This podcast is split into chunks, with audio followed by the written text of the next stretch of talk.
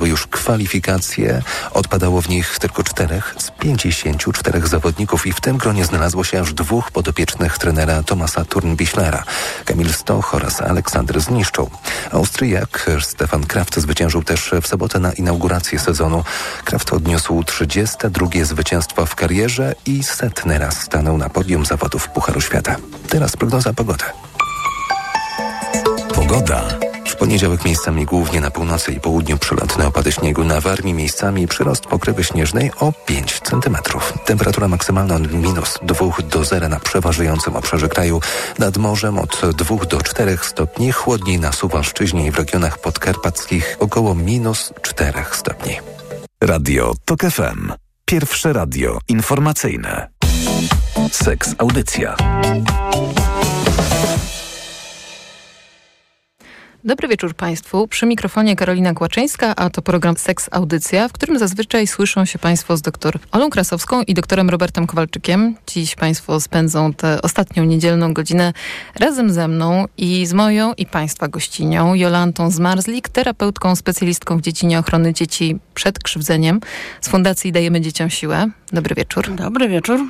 W dzisiejszym programie będziemy rozmawiać o przemocy seksualnej wobec dzieci, a dokładniej o przemocy seksualnej wobec i wśród nastolatków.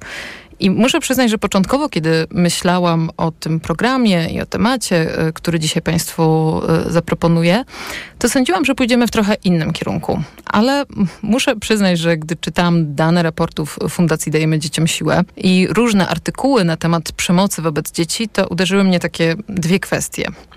Po pierwsze, dosyć oczywista, że mówiąc o dzieciach, mówimy o bardzo różnorodnej grupie e, na bardzo różnych etapach rozwoju psychoseksualnego. I wiele kwestii, o ile są to kwestie uniwersalne, tak, czyli rodzaje tego krzywdzenia, zapobieganie, konsekwencje. Można powiedzieć, że to są kwestie uniwersalne, jednak e, poczułam, że o ile badania ujmują całą tę grupę, e, to w debacie publicznej koncentrujemy się na przemocy wobec małych dzieci, zazwyczaj poniżej 10 roku życia. A druga kwestia to, muszę przyznać, że zszokowały mnie dane dotyczące postaw dorosłych Polek i Polaków względem wykorzystywania seksualnego nastolatków, bo one wydaje mi się, że wcale nie są jednoznaczne. I właściwie od pytania o ten wątek chciałabym zacząć, bo mam wrażenie, że o ile łatwo potrafimy nazwać przemoc seksualną, która spotyka małe dzieci, i nie chodzi mi o uznanie tej przemocy, tylko nazwanie, że to, co się wydarzyło, było przemocą, to z nastolatkami bywa różnie. No ale może też się mylę to jest pytanie do, do pani. Czy faktycznie trudniej nam się nazywa krzywdzenie seksualne nastoletnich dzieci? O tak, o tak. Z tym, że to nie dotyczy jedynie krzywdzenia seksualnego, dotyczy to w ogóle krzywdzenia nastolatków. E, bardzo relatywizujemy i bardzo posługujemy się takim stereotypowym myśleniem, że nastolatki przede wszystkim kłamią, to jest manipulują dorosłymi, e, mają swoje interesy, nie należy im wierzyć. Jeżeli coś e, nawet się zadziało, to przy współudziale i współwinie. To jest bardzo powszechne myślenie i oczywiście, jeśli to dotyczy kogoś z naszego bardzo bliskiego kręgu, to też inaczej o tym myślimy. Jednakowoż e, w takim odbiorze społecznym e, ja bezprawie z tym spotykam. E, kiedy mówimy o przemocy wobec nastolatków, a wykorzystywaniu seksualnym, to natychmiast jestem zasypywana przykładami przykładami, które y, każdy się z tym zetknął. Mam wujka albo znajomego, który pracuje w policji. Mam kogoś, kto był pracownikiem socjalnym. O czymś takim się dowiedział, usłyszał, ale jak się dobrze tego nastolatka przypięło do ściany, jak się go dobrze tak y, zmotywowało, to on powiedział, że to był y, fałszywe, to było fałszywe oskarżenie, że on się wycofuje, że tego nie było. No i taka jest pełna satysfakcja.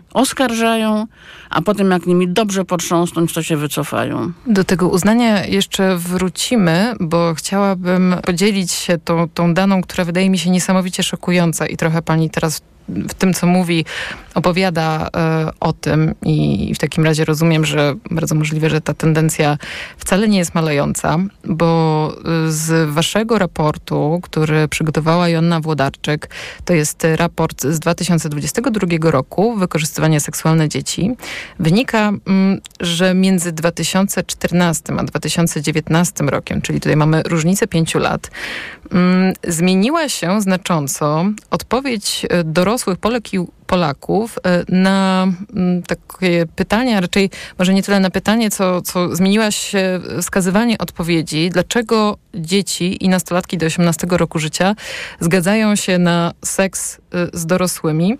I o ile w roku 2014 to 47% badanych powiedziało, że dlatego, że chcą mieć modne ubrania i gadżety, to 5 lat później ta odpowiedź wzrosła do 74%. Czyli naprawdę tutaj mówimy o bardzo dużej różnicy, co było dla mnie zaskakujące, no bo niby mówimy coraz więcej o seksualności, o świadomej zgodzie, o tym, jakie mechanizmy kierują nami, kiedy podejmujemy pewne decyzje i również, że dzieci do 15 roku życia no, nie mogą brać odpowiedzialności za, e, za branie udziału w aktywności seksualnej ze sobą dorosłą, to jednak obserwujemy tego typu wzrost. Jak pani to rozumie?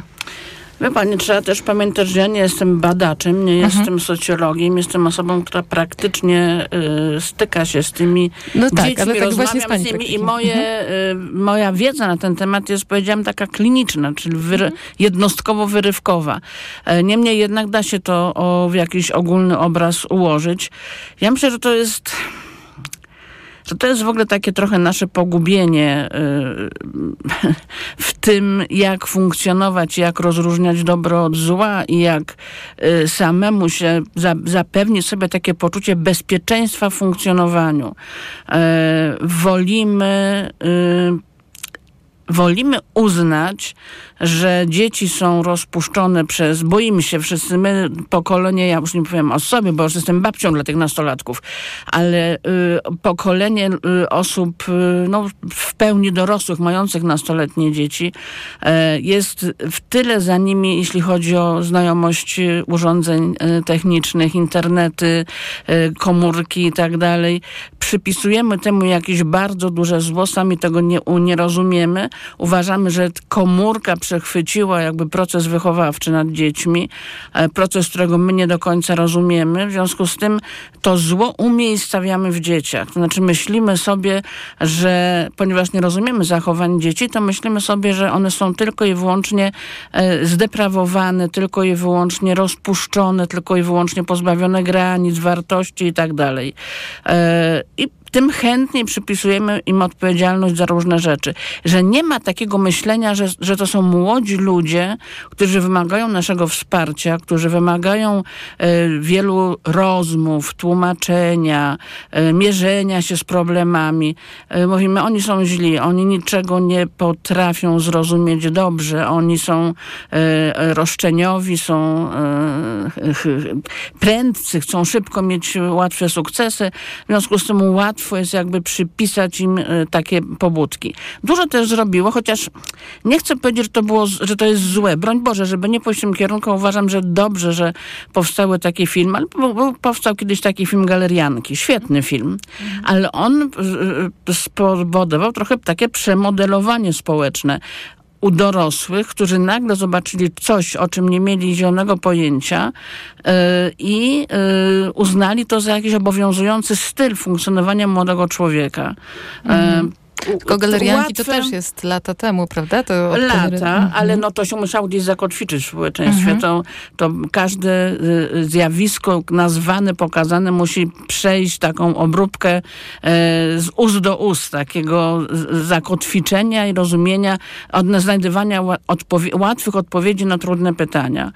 Po co się, znaczy po co sobie tłumaczyć, po co sięgać do jakichś głębszych źródeł, kiedy tą odpowiedź mamy podaną na tacy. Ale jeszcze raz chcę podkreślić, to ja nie jestem przeciwna temu filmowi. Rozumiem, On musiał powstać. Jasne. Tak, tak, rozumiem, żeby pokazać pewne mechanizmy i pewne zjawisko, które, które istnieje, ale rozumiem, że to, co pani mówi, to trochę jest o tym, że o ile mm, technologia wpływa na dzieci, wpływa na nastolatki, to też e, ta przepaść, która powstaje między rodzicami i nastolatkami i jakaś bezradność pojawia się w rodzicach, że nie potrafią do nich dotrzeć i łatwiej jeszcze przypisują im złe cechy i jakieś negatywne e, w związku z tym brakiem kontaktu i, i z tą trudnością? Tak, tak, to chciałam powiedzieć dokładnie. Chciałam też powiedzieć, że na to wpłynęło, znaczy pokazywanie samych liczb jest zawsze atrakcyjne, bo może wzbudzić szok, a poza tym jest twardą daną. 70%, 50%, 2%. E, daje nam jakąś wiedzę o jakimś zjawisku, ale tak naprawdę nie daje odpowiedzi na pytanie, dlaczego te procenty spadają czy maleją. To wymaga od, o, osobnych jakby badań, osobnego zgłębienia tego zjawiska. Ale myślę sobie, że gdyby się przyjrzeć umiejscowieniu tych badań w określonym czasie, to jest też kryzys popandemiczny w relacjach między rodzicami a dziećmi. Ta pandemia, która uwięziła na jakiś czas nas w domu, wcale nie spowodowała pogłębienia relacji rodzinnych. Znaczy tam, gdzie spowodowała, to spowodowała. No, były rodziny, gdzie grali w gry planszowe i ze sobą rozmawiali, piekli ciasteczka oczywiście, ale w, znakomita większość e, zaczynała doświadczać różnego rodzaju napięć, frustracji, e, zmęczenia sobą, zmęczenia swoją obecnością, odpowiedzialnością, bo rodzice zaczęli być odpowiedzialni za naukę dzieci, tak naprawdę odpowiedzialni, bo robili z nimi te lekcje albo za nie te lekcje, za, za dzieci. E, to też spowodowało pogorszenie jakości stosunków. No, zatem dzieci też były, miały takie poczucie uwięzienia w domu. Tak naprawdę dzieci wychodzą z domu na pół dnia, mają relacje rówieśnicze, złe, dobre, różne, ale inne niż te domowe. Natomiast tutaj zostały, za, zostało im to zabrane.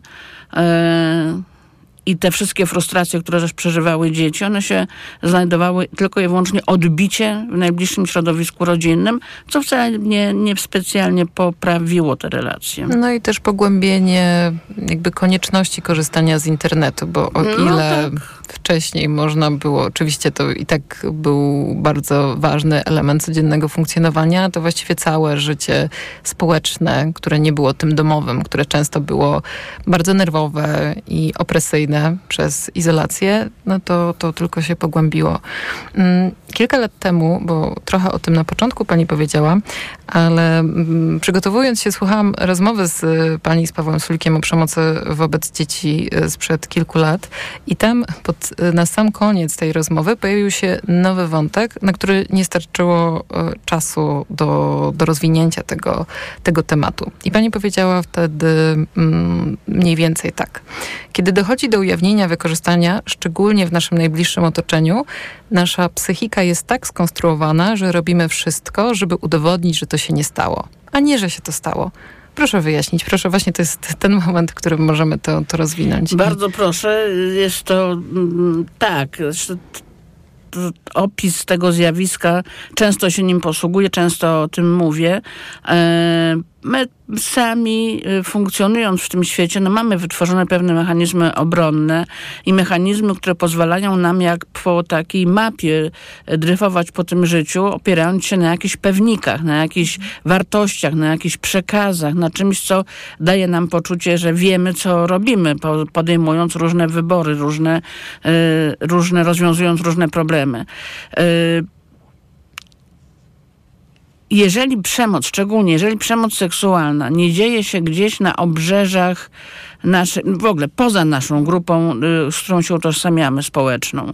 Wiadomo, że gdzieś na jakiejś, y, nie obrażając żadnej głuchej wsi, na jakiejś głuchej wsi y, ona była z niepełnosprawnością umysłową, on był alkoholik, zdarzyło się to, że wykorzystywał seksualnie córkę, kuzynkę, wnuczkę, sąsiadkę, to myślałbym sobie, on jakiś daleki od nas świat, świat, w którym my nie uczestniczymy, to nie są nasze klimaty.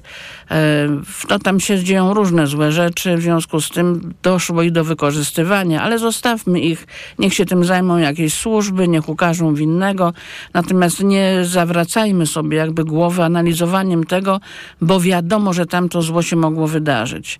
Ale jeżeli to dotyczy, a, a, a przemoc seksualna jest niezwykle e, demokratyczna, dotyczy wszystkich środowisk, dzieje się to już w innym środowisku, kiedy ten sprawca wygląda, tu użyję paskudnego skrótu myślowego na normalnego. Nie jest brudny, nie jest pijany, nie jest na jakimś marginesie. Nie, nie rozróżniamy go na ulicy po niczym. Jest taki sam jak my. E, i okazuje się, że on wykorzystywał seksualnie dziecko, to wtedy myślimy sobie, szukajmy takich argumentów. To tak nie może być. Ja chodzę po ulicy, moje dzieci chodzą po ulicy. Jak tu żyć w takim ustawicznym zagrożeniu? Jak rozpoznać? Przecież pani podstawowym już tyle lat w tym pracuje. I takim pytaniem, jak już dziennikarz podsuwa mi sitko y, mikrofonu i ja wiem, już otworzy tylko usta, powiem, po czym można poznać, że ktoś wykorzystuje dziecko albo że dziecko w ogóle nie dla pani tego pytania. Cieszę się. E, po niczym po niczym, dlatego że sprawcy nie rosną rogi, ani dziecku też nie wyrosło nic za uchem, e, żeby można było poznać na pierwszy rzut oka. Jeżeli ten sprawca nie jest rozpoznawalny na pierwszy rzut oka, to to, co możemy zrobić, to możemy mówić tak, nie, to nie jest prawda, to jest przesada, dziennikarze nakręcają temat, e, psycholodzy muszą z czegoś żyć, też nakręcają temat. E, świat nie może być tak zły. Znaczy jakoś trzeba w nim mieć minimalne poczucie zaufania do do zdarzeń, do ludzi. W związku z tym poszukujemy argumentów, że to się nie zdarzyło. A jakie argumenty mamy najbliżej? No dziecko kłamie, dziecko jest niewiarygodne, dziecko jest... Ja sam mam dzieci, więc e, wiem, jak to z dziećmi są, a to nie podkazał mm, e, pały w zeszycie, a to podwędził 5 złotych z portmonetki, jak robił zakupy, a to... No w ogóle dzieci są kimś taką osobną kastą, która podlega specjalnym, specjalnemu kodeksowi ocen. Mhm. Czy mamy prawo wszyscy oceniać, nie dowierzać, kontrolować, sprawdzać, e, tak jakby zdolność do mówienia prawdy rosła wiekiem. Im jesteśmy starsi, tym bardziej prawdomówni. Co oczywiście, no, ten argument się nie broni. Natomiast wtedy, kiedy przychodzi to do nas, to po niego sięgamy.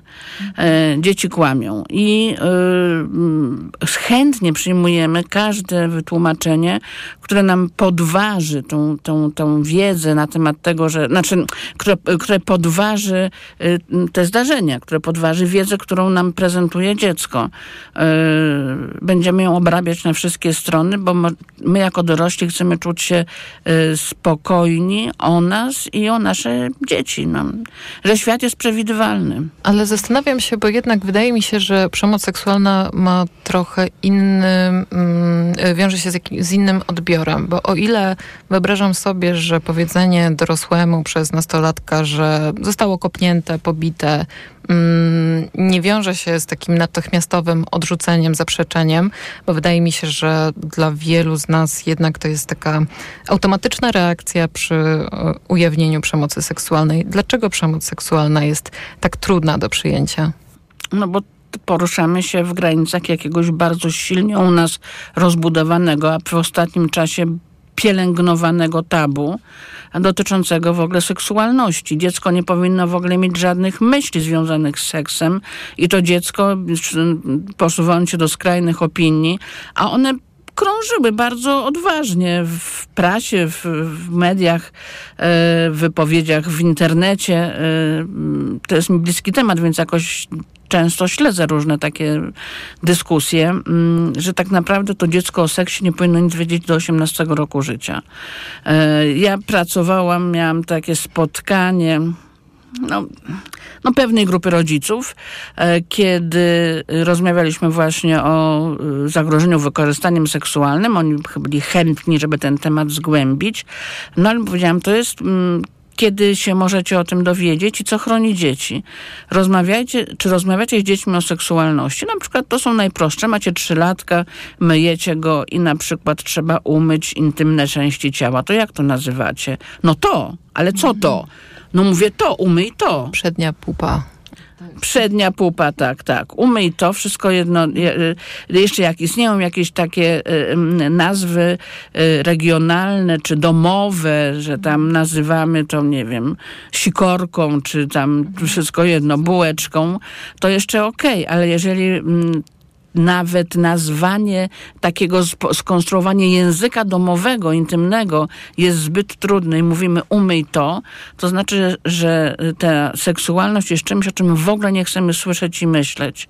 E, jeżeli dziecko mówi e, na przykład, to też jest takie rodzicielskie, bym powiedziała, mamy dziecko, mieliśmy mówić o nastolatkach, ale ja trochę no sięgnę do tak. młodszych, chociaż nastolatków też to może dotyczyć. Nasze dziecko zdradza mm, objawy talentu muzycznego. Zapisaliśmy je na prywatne lekcje gry na gitarze niech będzie, że gitarze. No i nasze dziecko z zapałem kupiliśmy gitarę, co nas trochę kosztowało. E, wysupłaliśmy na te lekcje i posyłamy dziecko na lekcję gitary i po miesiącu dziecko mówi, mi się już nie chce grać na gitarze. To jest głupie, nudne, nie podoba mi się. No i każdy przeciętny, normalny rodzic, włosy mu dęba na głowie stają. Mówi, po pierwsze, wydałem kupę kasy na to, e, zainwestowałem. Po drugie, dziecko jest leniwe, musi, trzeba go nauczyć systematyczności, odpowiedzialności. Ma po prostu na tą gitarę chodzić i tyle. Tymczasem dziecko, i to może być dziecko, które ma lat 11, i może być dziecko, które ma lat 16. To wiek tutaj nie gra roli ono nam dało pierwszy sygnał, że coś jest nie w porządku. Natomiast my nie, nie zgłębiamy tego, co jest nie w porządku. Często możemy usłyszeć, bo pan jest głupi, a ty jesteś bardzo mądra. Weź się do roboty, a nie wymyślaj. Y, robimy wszystko, żeby nie usłyszeć czegoś, co naprawdę jest motywacją dziecka do tego, że przestało chcieć chodzić na lekcje gitary. Tymczasem dziecko jakby puszcza próbnie taką sondę, zapuszcza. Na ile co, może zaufać? Za, na ile może zaufać i co będzie, i czy rodzic jest skłonny do zatrzymania się i potraktowania poważnie tego, co ja do niego mówię. I niestety, znaczy, przykro to powiedzieć, ale większość rodziców nie jest na to gotowa. Są cudowni rodzice. Nie chciałabym jakoś też stworzyć takiego czarno-białego świata. Zresztą dobrzy jeźli, ale dzieci, z którymi ja pracuję, ostatnio pracuję w większości z nastolatkami, to są dzieci, które do mnie przychodzą dlatego, że nie są słyszane przez najbliższych i że ja nie mam żadnej czarodziejskiej różdżki w ręku. To nie jest tak, że mam jakiś zestaw gotowych pytań, wiem o co spytać, wiem jakich słów użyć. Absolutnie nie, ale daję uwagę i przestrzeń dziecku na to, żeby mogło wypowiedzieć wszystko, co myśli, czy to jest, czy ja się z tym zgadzam, czy nie zgadzam, czy, to, czy dziecko popełnia w ogóle błędy logiczne w rozumowaniu, yy, ale ma przestrzeń na to, żeby o tym powiedzieć. Yy, natomiast w większości domów nie ma tej przestrzeni, bo też takie mechanizmy, które rządzą rodzicami, to jest po pierwsze, a, brak czasu, powszechny brak czasu, brak zgody na to, że dziecko może myśleć inaczej niż ja. Mhm że może mieć swoje zdanie i to y, jest dla mnie trudne do zniesienia. Po trzecie, lęk o dziecko, że ono pada jakieś głupstwa, że staje się idolem, nie wiem, koleżanka albo jakaś zdemoralizowana influencerka albo ktoś, kto nie robi poważnych rzeczy. Nie tak? robi poważnych mhm. rzeczy, więc to jest też taki lęk. Wolemy powiedzieć, to jest głupota, to jest nieważne, tym się nie zajmuj. A jeżeli sprawa dotyczy seksualności, no to w ogóle zmierzenie się z dzieckiem w rozmowie o seksualności budzi przerażenie. W wielu materiałach, które macie przygotowane jako Fundacja Dajemy Dzieciom Siłek jest bardzo mocno to zaznaczone, to co pani mówi, że to zaufanie na takim bardzo ogólnym poziomie i te dobre relacje z dzieckiem tak naprawdę właściwie są podstawą ochrony dziecka przed wykorzystaniem seksualnym. Ale ja myślę też o tym, bo to jest bardzo istotne, co pani mówi oczywiście, że dużo mówiąc o przemocy seksualnej, mówimy o takich e, bardzo trudnych, bardzo brutalnych przypadkach. Te historie są często bardzo sensacyjne. I też gdzieś, i mam wrażenie, że to jest y, też odpowiedzialność prasy, y, zapominamy, żeby mówić o tym, że przemoc seksualna jest ogromnym problemem, a ma duże konsekwencje, ale to jest czymś, z czym możemy pracować. I to nie jest coś, co musi przekreślić życie osoby, którą przemoc seksualna dotknęła I wydaje mi się, że ten brak rozwiązań jest taki paraliżujący. Raczej poczucie tego, że to jest coś, co jeśli się przytrafi, to właściwie nie możemy nic z tym zrobić. Tak, no bo to trochę też jest taki, tutaj znowu już jest i na, nasza wina, i wina y, prasy, ponieważ chcemy podkręcić jakby zainteresowanie tym tematem, chcemy zwrócić uwagę, chcemy, e, żeby była odpowiedź w postaci profesjonalistów, psychologów, terapii, poradni. Y, i często posługujemy się takim skrótem myślowym, że to jest naznaczenie na całe życie. I ja, ja to pod, mm, potwierdzę, tak. To jest naznaczenie, tylko ono może być palącym piętnem, a może być drobnym znamieniem, które po prostu jest i trzeba z nim żyć. Jest doświadczeniem, jest które jest trudnym doświadczeniem. Tak, ale które nie musi przekreślić funkcjonowania człowieka. Notabene tutaj mówimy o czymś takim jak e, kontakt seksualny i wszystkim się wydaje, ja też w sądzie się tym, z tym spotykam, jak zeznaję jako świadek na przykład, e, że podczas tej terapii, czy w ogóle tematem głównym tego, o co, co się dzieje, o czym, nad czym pracuje, to jest to fizyczne doświadczenie seksualne. Że nie wiem, dziecko mi opowiada, gdzie, a co on robił, a gdzie dotykał, a gdzie ona dotykała, jak to było.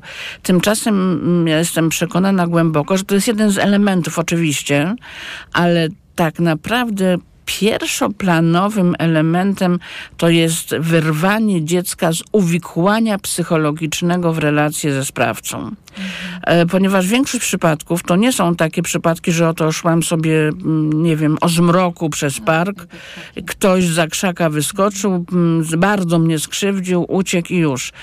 To się też może zdarzyć, ale to wcale nie są y, przede wszystkim te przypadki. Te przypadki to są takie, że sprawca jest blisko dziecka, zna dziecko, wszystko, no czy to dziecko ma 5 czy 15 lat, no, zna dziecko i wchodzi z nim taką relację, z której dziecku trudno się wywikłać. To, wie pan, jest, trochę jesteśmy na takim pograniczu um, traumy związanej z wykorzystaniem i z uwikłaniem na przykład w sektę. Większość ofiar ma takie poczucie, że jest w sytuacji bez wyjścia, że nie ma ucieczki od tego, że mm, ten sprawca jest wszystko, no, czy to jest niemal rówieśnik, czy to jest y, byle kto, y, czy to jest y, znana postać. No, nie wiem, przyjaciel rodziców. Przyjaciel rodziców to jest już klasyka, ale czy to jest na przykład znana postać, e, to ona jest tak wszechwładna, tak wszechmocna, że nie ma y, od niej ucieczki. Nie ma ucieczki od jej działań, od jej możliwości zemsty, ujawnienia itd., tak itd. Tak I to uwikłanie psychiczne jest największą traumą, jaka ja to tak widzę, y, jaka się dzieje. Jestem w stanie sobie wyobrazić to, że nawet rodzice, które, którzy mają nawet dobry kontakt z dzieckiem, to w momencie, w którym rozmawiamy o seksualności, różnych zachowaniach seksualnych nastolatków, które nastolatki podejmują, to tutaj to może być y, o wiele trudniejsze i, i, może to być większe wyzwanie. I na stronie, y, która jest prowadzona przez Fundację Dajemy Dzieciom Siłę, to jest strona stopwykorzystywaniu.pl. Stop wykorzystywaniu pisane razem. To jest, tam znajdziemy materiały i dla rodziców, i dla mhm. specjalistów. Mhm. Takie e-learningowe można sobie zrobić e, taki, takie lekcje dotyczące rozpoznaniu i reakcji na ujawnienie przemocy seksualnej. I właśnie mm, ja sobie zrobiłam takie kursy. E, zrobiłam sobie też dla rodziców i zauważyłam, że właśnie tam również pojawia się mm, opracowanie y, przebiegu y, reakcji rodzica, tak, czyli jakby pokazanie, jak powinniśmy dobrze zareagować na, na to, kiedy dziecko ujawnia nam y, przemoc seksualną. Na przykładzie małego dziecka i sobie myślę też trochę o tym, co pani powiedziała na samym początku, o tym, że, że między innymi na przykład pandemia y, sprawiła, że nasze relacje y, z rodzicami, a raczej relacje nastolatków z rodzicami się y, zaogniły, stały się jeszcze trudniejsze.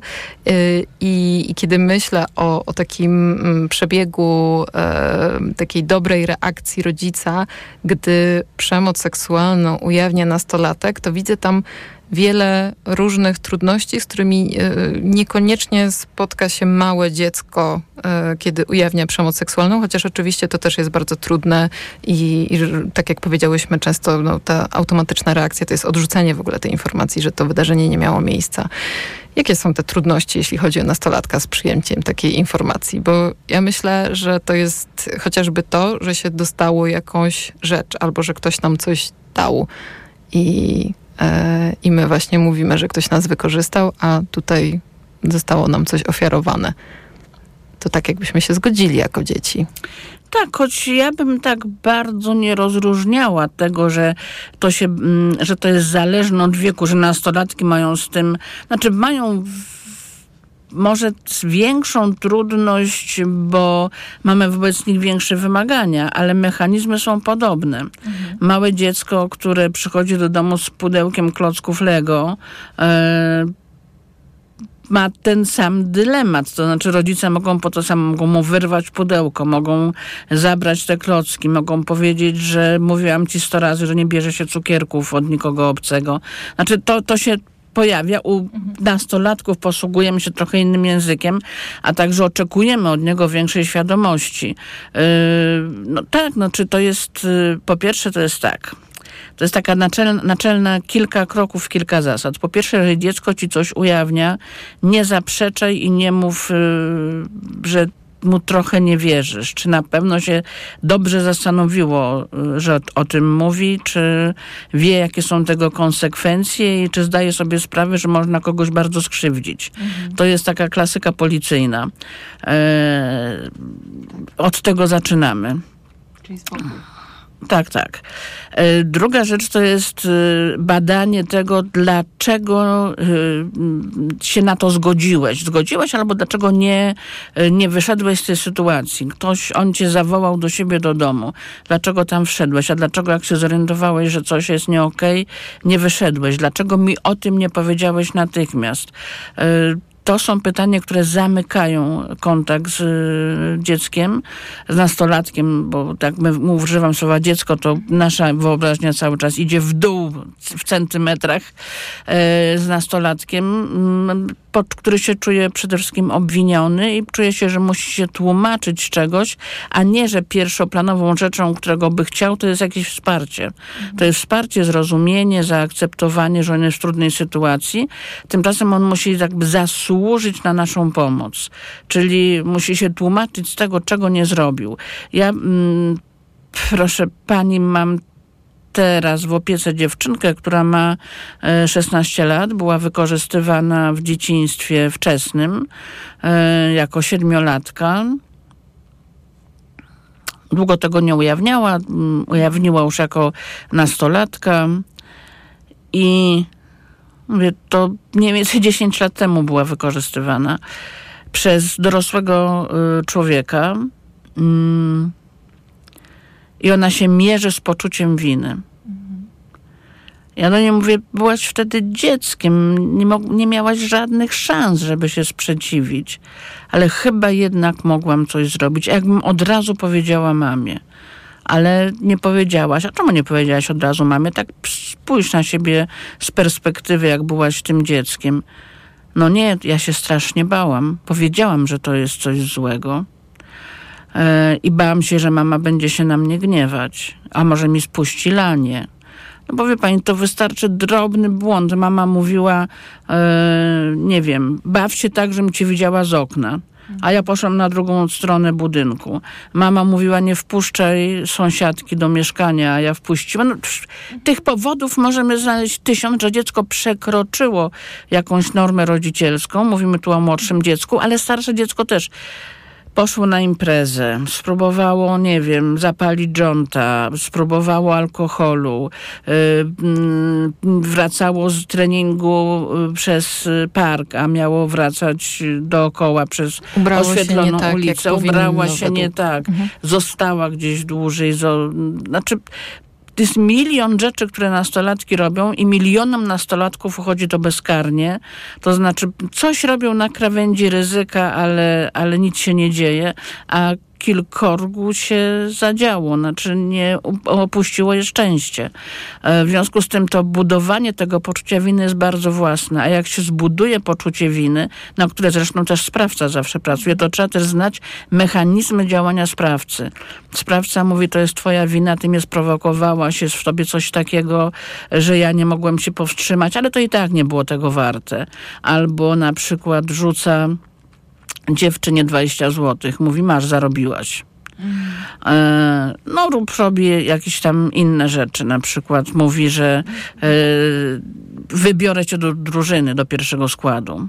I właśnie przy tym chciałabym się zatrzymać, bo pani mówi o tym poczuciu winy. I wyobrażam sobie, że o ile małe dzieci też się mierzą z poczuciem winy e, i nie ujawniają swojego skrzywdzenia, to starsze dzieci, i nie mówię, że też się nie zdarza to w przypadku tych mniejszych, ale w przypadku nastolatków e, wydaje mi się, że też często jak, jakąś reakcją, że to twoja wina, że to jest wręcz automatyczne. Tak jak powiedziałam, dając ten przykład z prezentem, bo mam wrażenie, że o ile czujemy, że kiedy, nie wiem, właśnie małe dziecko dostanie samochodzik i ktoś, e, ktoś je skrzywdzi właśnie w ramach jakiejś wymiany, to mimo wszystko jakoś łatwiej to nazywamy przemocą y, seksualną i uznajemy to, tak, to była przemoc.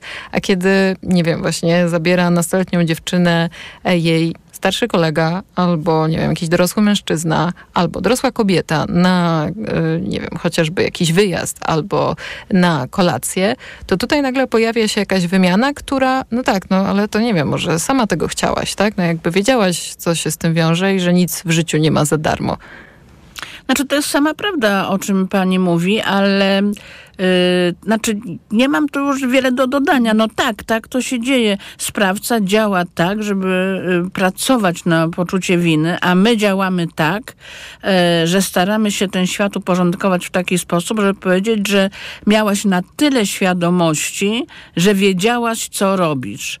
Yy, znaczy, masz za to gratyfikację, więc o co chodzi? No, ma, to jest tylko krok do powiedzenia, y, jesteś na drodze do tego, żeby zostać prostytutką. No tak. Bardziej to podkreślam, bo zastanawiam się, bo, bo też dużo się o tym mówi, że raz zaufanie, że dzieci powinny mieć zaufanie do nas, to wtedy będą ujawniać, a z drugiej strony wydaje mi się, że biorąc pod uwagę też ten mechanizm, o, który, o którym pani przed chwilą powiedziała, mm, to nawet jeśli mamy dobre relacje z dzieckiem, to jakby pierwsza reakcja na ujawnienie krzywdzenia jest często właśnie taka ucinająca temat, obwiniająca i to jest jeden chyba z najgorszych momentów dla dziecka, bo właśnie wtedy traci zaufanie i jeszcze potęguje w sobie poczucie winy, z którym, e, z którym już przyszło, bo właściwie często, no tak jak pani powiedziała, nawet małe dzieci czują, to moja wina, mogłam coś zrobić albo mogłam czegoś nie zrobić. Tak, tak. Tylko ja bym tutaj chciała jeszcze tak dodać coś, ponieważ y, od rodziców się bardzo wiele wymaga i słusznie y, powołują na świat dzieci, to niech czują odpowiedzialność, to jest sprawiedliwe i słuszne. Niemniej jednak y, to nie jest tak, że jak zareagujesz niewłaściwie na początku, jak zaczniesz krzyczeć, płakać, awanturować się, mówić coś ty zrobiła, e, dlaczego tak zrobiłaś, ja tu cię, dla ciebie w życie poświęcam, flaki wypruwam, a ty poszłaś gdzieś tam, coś zrobiłaś.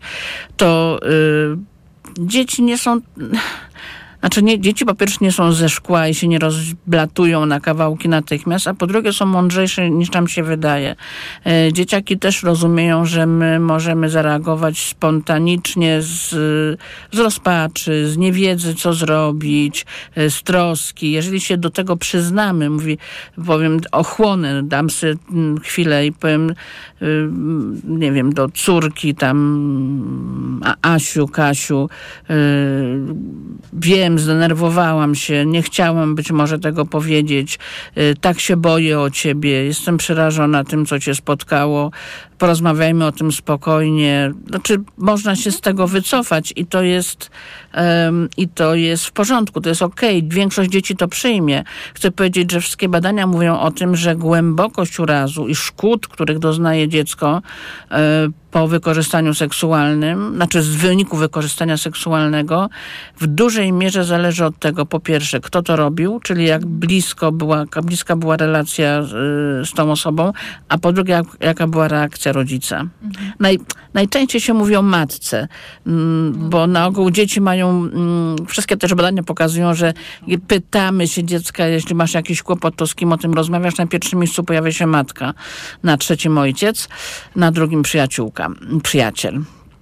Więc jeżeli y, mówimy, jeżeli rodzic y, wycofa się z tego i wesprze dziecko, no to daje mu pierwszy zastrzyk, y, pierwszą dawkę odporności na wszystko, co się będzie z nim działo dalej. Dużo mówimy też o, o przemocy dorosłych względem dzieci, ale dzieci, nastolatków, tutaj podkreślamy, że przede wszystkim dzisiaj rozmawiamy o, o przemocy seksualnej względem nastolatków ale z tego, co wynika z badań Fundacji Dajemy Dzieciom Siłę i deklaracji nastolatków, bo ja rozumiem, że to też są pewne dane, które są deklaratywne i może chodzi o częstość ujawniania. Tak, to jest zawsze pytanie, mm, co mówią nam te badania, ale z tego co wiemy, to nastolatki dwa razy częściej doświadczają krzywdzenia seksualnego ze strony rówieśnika niż ze strony dorosłej osoby. Przynajmniej tak, tak to wygląda mm, przy ujawnianiu w badaniach i deklarowaniu,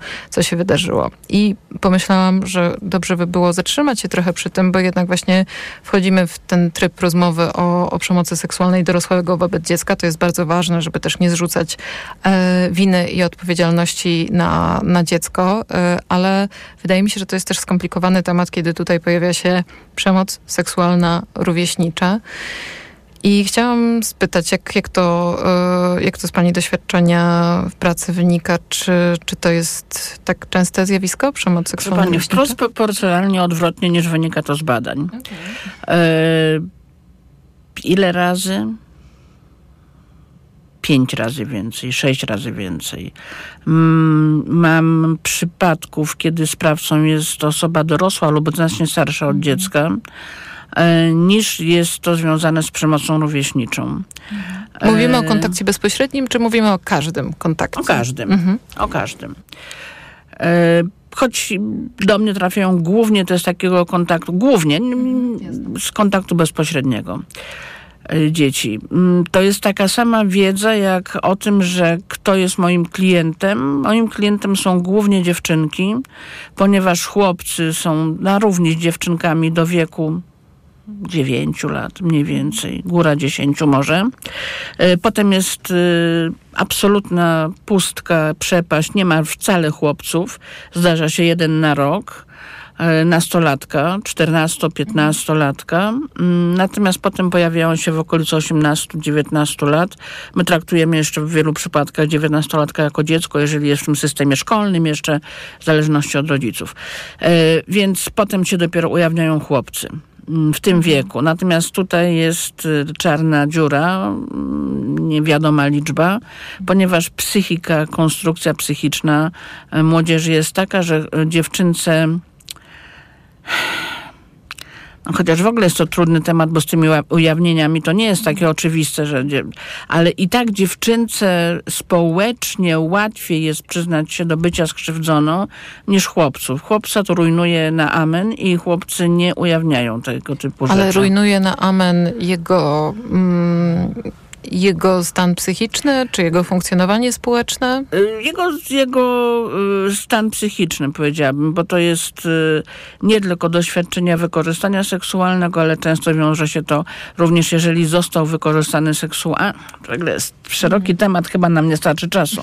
Jeżeli chłopiec, nastolatek zostanie wykorzystany seksualnie przez mężczyznę, to ma lęki związane z homoseksualnym rozwojem jego kariery dalszej, życiowej, seksualnej E, boi się tego ujawnić, bo boi się, że zostanie nazwany pedałem. Mhm. Jeżeli zostanie wykorzystany przez kobietę, to zresztą jest niezwykle rzadkie, ale, ale jednak jest, to go to nobilituje, a nie, on się nie czuje w roli ofiary. No tak, no ale czy to wpływa negatywnie na niego? Wpływa.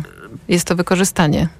Pewnie tak, ale nie, on nie do końca to rozumie. O ile wykorzystanie przez mężczyznę, uwikłanie w różne rzeczy na ogół jest czymś, co no, budzi różne lęki, y, fantazje i tak dalej. O tyle tutaj te lęki się mogą długo, długo nie pojawiać. Zaczyna się coś, żeby zrozumieć, że zostało się wykorzystanym, uwikłanym. Zresztą w tym wykorzystaniu przez dorosłą kobietę na ogół, wie pani, na pewno zdarzają się jakieś przypadki, ale takiego na oczy nie widziałam, ale pewnie są, że kobieta to robi w formie, nie wiem, zgwałcenia, przymusu, zastraszania. Na ogół jest to w formie uwiedzenia i,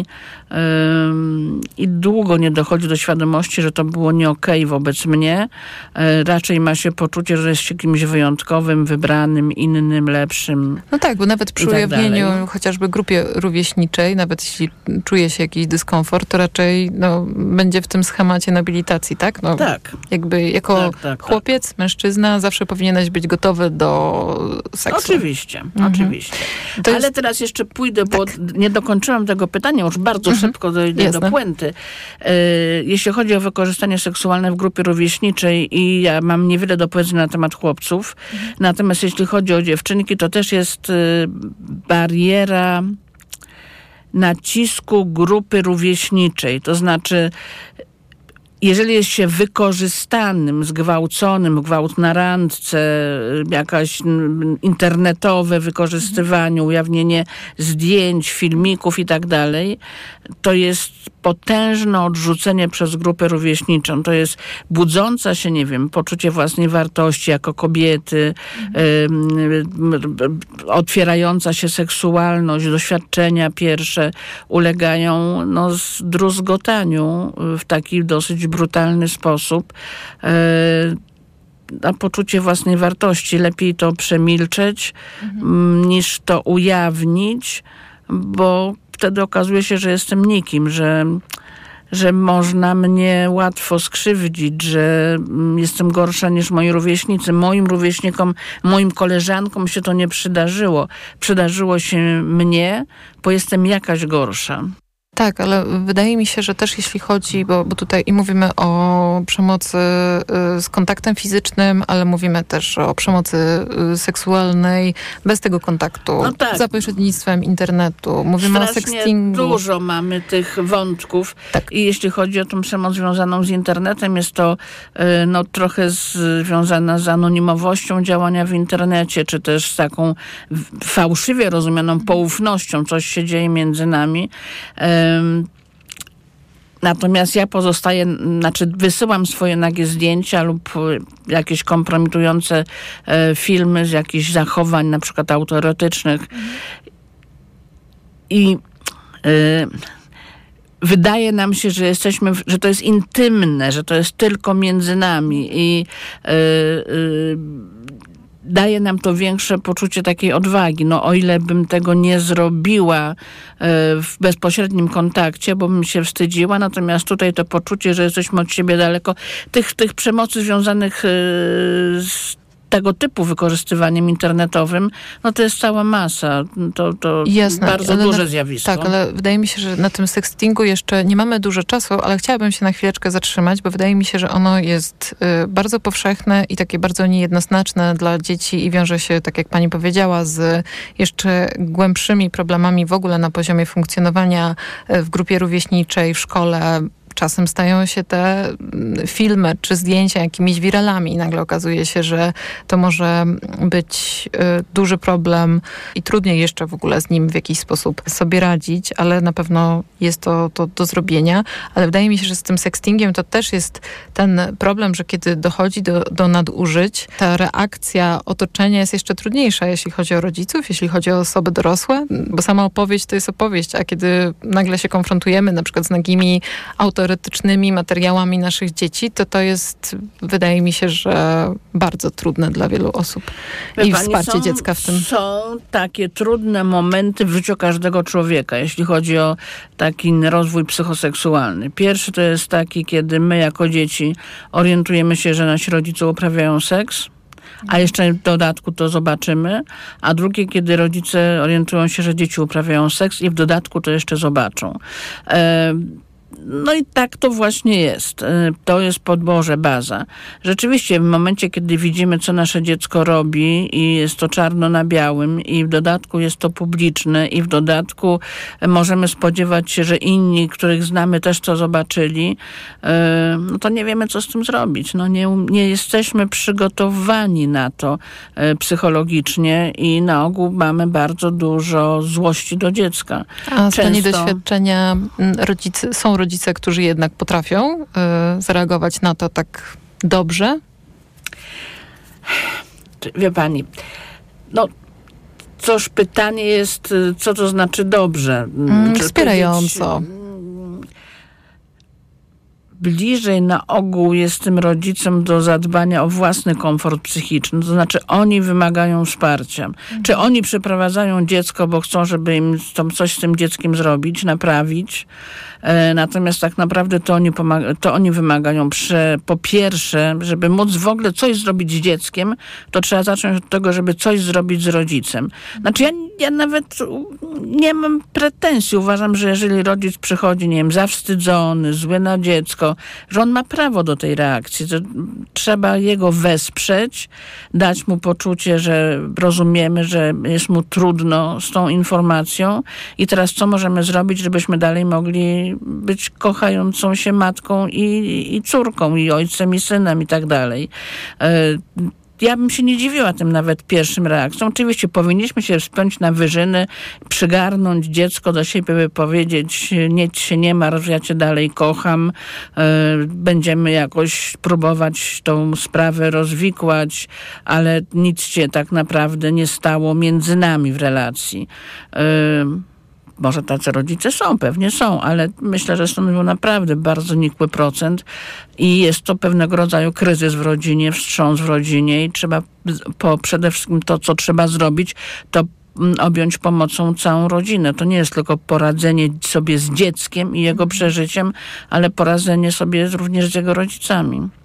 I na tym niestety dzisiaj musimy już kończyć. E, czuję i widzę z moich notatek, że jeszcze kilku bardzo ważnych tematów e, nie, nie zdążyłyśmy poruszyć, ale bardzo Pani dziękuję za dzisiejszy wieczór. E, Również dziękuję. Była ze mną Pani Jolanta Zmarzlik, terapeutka, specjalistka w dziedzinie ochrony dzieci przed krzywdzeniem z Fundacji Dajemy Dzieciom Siłę. Ja jeszcze chcę zaznaczyć, że jeśli Państwo czują, że potrzebują wsparcia, to mogą Państwo, czy są Państwo rodzicami, czy są Państwo nauczycielami, e, czy osobami pracującymi z dziećmi, to oczywiście jest dla Państwa bezpłatny telefon wsparcia 800 100 100, to jest ten telefon, 800 100 100.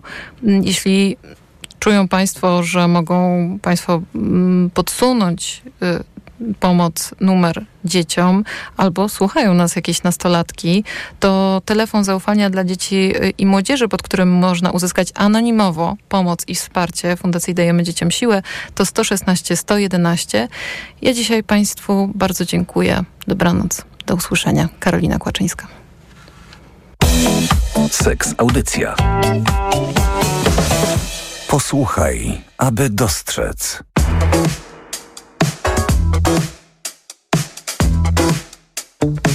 W splątanym gaju rąk i nóg Szepczemy słowa święte.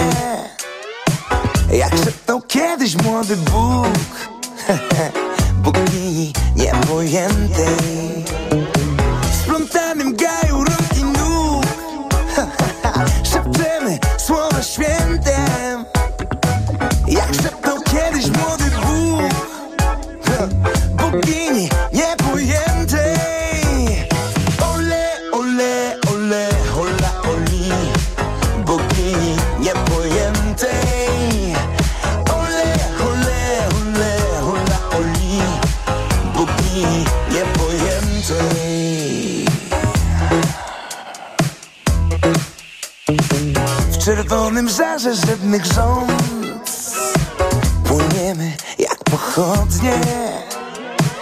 I opadamy w niebo śniąc Niewinnie i łagodnie W żałobnym chłodzie znanych ust A tak, szukamy pocieszenia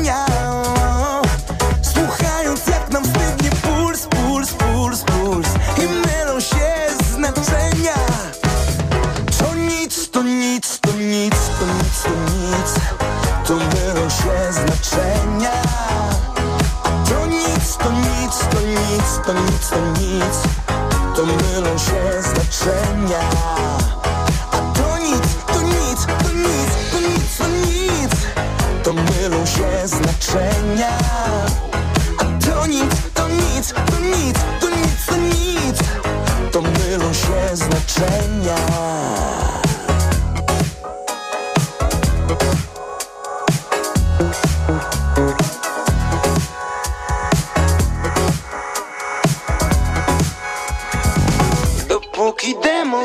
smutku śpi. Niech żyją młode żądze Dopóki życie w nas się tli. Dopóki są pieniądze Dopóki demon smutku śpi. Tak, tak, niech żyją młode żądze Dopóki życie w nas się tli. Ha, ha, ha, Dopóki są